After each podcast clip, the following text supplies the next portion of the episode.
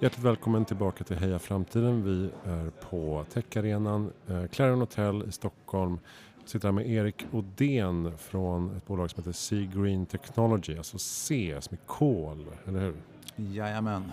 Vad är din roll? Är du medgrundare? Jag är en av grundarna i företaget. Eh, jag eh, träffade Fredrik och Fredrik som är de som ligger bakom innovationen 2014 eh, och blev enormt fascinerad över eh, både problemställningen och eh, den tekniska lösningen. Så jag tappade hakan. Jag har jobbat med innovationer hela mitt liv och aldrig stött på något liknande. Eh, vi åt en lunch tillsammans och efter den lunchen eh, ställde jag lite frågor till dem och de tyckte att ja, men, de frågorna var inte helt orelevanta så var vi tre i teamet. Då, då. Okej. Okay. Och du har varit här och pitchat på scen. Hur lyder en eh, ännu snabbare pitch då för vad Seagreen Technology är? Vi producerar 6 miljarder ton blöta avfall bara genom vår dagliga konsumtion. Eh, det blöta avfallet är ett enormt miljöproblem, släpper ut enorma mängder metan som vi är överens om att vi måste få ner med 30 procent. Det har förstört Östersjön.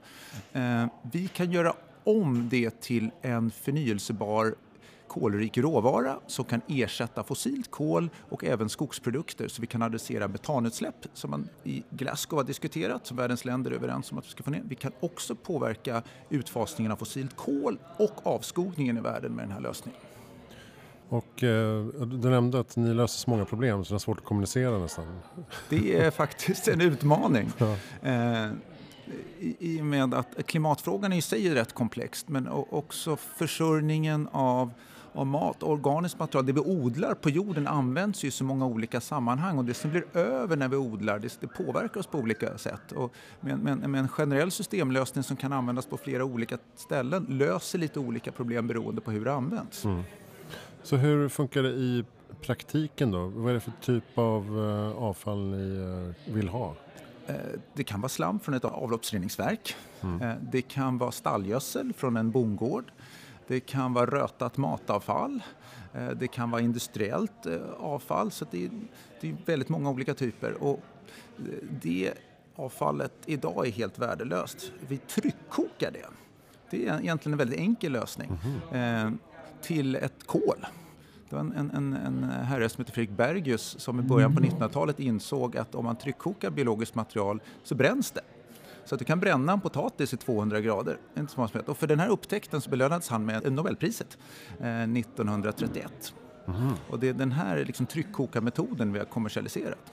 Du nämnde att ni hade en anläggning i Finland bland annat. Ja, vi har eh, tillsammans med Stora Enso byggt en fullskalig anläggning som hanterar allt blött slam som blir över när de tillverkar pappersmassa där. Det, de, det blir ungefär 18 000 ton slam per år och vi kan hantera hela den mängden med, med en anläggning. Det är en kapacitet på ungefär 20 000 ton slam per, per år på en anläggning. Just det. Och så får man ut eh, ett, en fast produkt mm. som kan användas som eh, bränsle? bränsle I det här fallet så använder man som bränsle både för då brukets energibehov men också för att värma upp stan Heinola som ligger precis bredvid. Men beroende på hur rent det här avfallet är. För är det skitigt avfall då kommer biokolet vara skitigt, för mycket hamnar i det. Men är det ett relativt rent avfall då kan det användas som jordförbättringsmedel. Det kan användas som kolsänke. Eh, vi skulle kunna använda det för cementproduktion för att minska mängden fossilt när du tillverkar cement. Man kan använda det i metallproduktion för att ersätta fossilt när du tillverkar metaller. I och med att kol binder näring, så väldigt näringsfattiga jordar där det är mycket sand och sånt som öknar till exempel som idag inte går att odla upp även om du kan få fram vatten. Så med den här typen av kol som man blandar upp med sanden så kan vi helt plötsligt odla upp öknar. Så det finns många olika liksom, användningsområden för, för slutprodukten. Då. Just det. Typ en sån här lösning som man skulle vilja bara skala upp tusen anläggningar över hela världen. Och... Ungefär så. Mm. Och det var rätt intressant. Det finns um, en organisation som heter Mission Innovation, jag vet inte om ni känner till den, den skapades i samband med att Parisavtalet skrevs under. Så det är, liksom, det är ett 80-tal länder som samverkar för att lösa klimatproblematiken i, i den här projektformen med huvudkontor i London. Eh, och de tittar bland annat och scoutar efter tekniska lösningar som kan skala, skalas upp ordentligt för att lösa klimatproblematiken och gör audits på dem och ser vad, vad skulle hända Mm. om vi skalar upp det här ordentligt. Hur mycket mindre klimatutsläpp skulle vi få? Och en sån audit har, en, har gjorts på vår teknik. Och där menar man att om man tar och omvandlar det blöta avfall som är nåbart för mänskligheten eh, till ett biokol eh, slipper då metanutsläppen och kan ersätta det med, med ersätta fossilt kol och andra så skulle man minska klimatpåverkan med 1,7 gigaton per år. Sverige släpper ut 0,06 gigaton. Mm. Hela planetens, det vi, mänskligheten påverkar är 50 gigaton, så det är en signifikant del av hela planetens klimatpåverkan som man skulle kunna adressera bara genom att skala upp den här tekniken. Hur ska ni göra det då? På en mening. Ja. Eh, vi har ju redan eh, lagt rätt mycket energi på att designa den så att den går att massproducera. Så att vi tänker fordonsproduktion att modularisera hela anläggningen i små moduler som kan tillverkas på en assembly line så att vi skulle kunna brygga eh, gigafactories på olika ställen i jorden och som tillverkar många sådana moduler som man kan bygga ihop ungefär som man bygger ett prefabricerat hus. Så det kommer 16 olika moduler som snabbt smälts ihop, sätter på väggar och tak så har du en färdig eh, fabrik. Mm. Och det, så, det, går att göra i ganska stor skala. Okay. Det här är inte mer komplext än att bygga en, en, lastbil eller något sånt där. Ja, just det. Och du har varit här och pitchat, eh, är det för att du vill ha in mer kapital, alltså behövs det mer investeringar i det här? Vi vill öka kännedomen om problematiken, för vi tycker det är en väldigt viktig frågeställning som inte får så mycket uppmärksamhet. Vi vill att fler känner till det. Eh, givetvis är behovet av kapital när vi växer är en aspekt. Men också att, att få ett tryck från, på beslutsfattare, politiker eh, och folk som jobbar i, i verksamheter, både kommunala och privata, som, som producerar blött avfall, att, att få dem intresserade av det här. Så mm. Det är må, många målgrupper vi vill nå ut.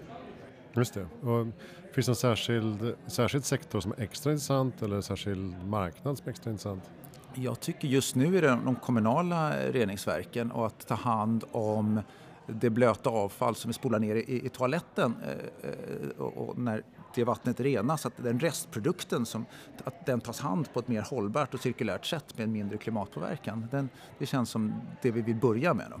Vad görs med den idag då? Kan det bli biogas och sånt idag? Eh, biogas, eh, men efter att det gjort biogas så är, har det reducerat volymen till hälften så att vi har, gör redan biogas Ja, det är fortfarande idag. slam efter Ja, det är 800 000 ton i Sverige eh, och det, det är rötat. Liksom. Mm. Och det kan vi få ner till noll då, då så att det är noll ton slam.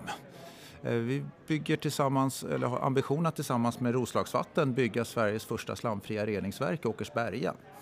Eh, och vi har vår pilotanläggning på, på, på plats där just nu då, som är en anläggning, en 40 fots container som kan processa ett ton slam per dag. Men eh, ambitionen är att integrera en, en, större anläggning med reningsverket så att reningsverket får in sitt eh, avloppsvatten idag men ut från reningsverket kommer endast ett renat vatten och ett torrt luktfritt biokol. Då. Häftigt. Ja, det finns eh, en del att göra, mm. hör jag.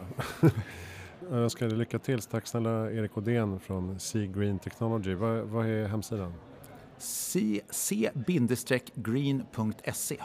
Där kan man hitta mer information. Och, eh, vi rullar vidare med Här framtiden från Techarenan. Det här är Christian von Essen. Tack för att du lyssnade.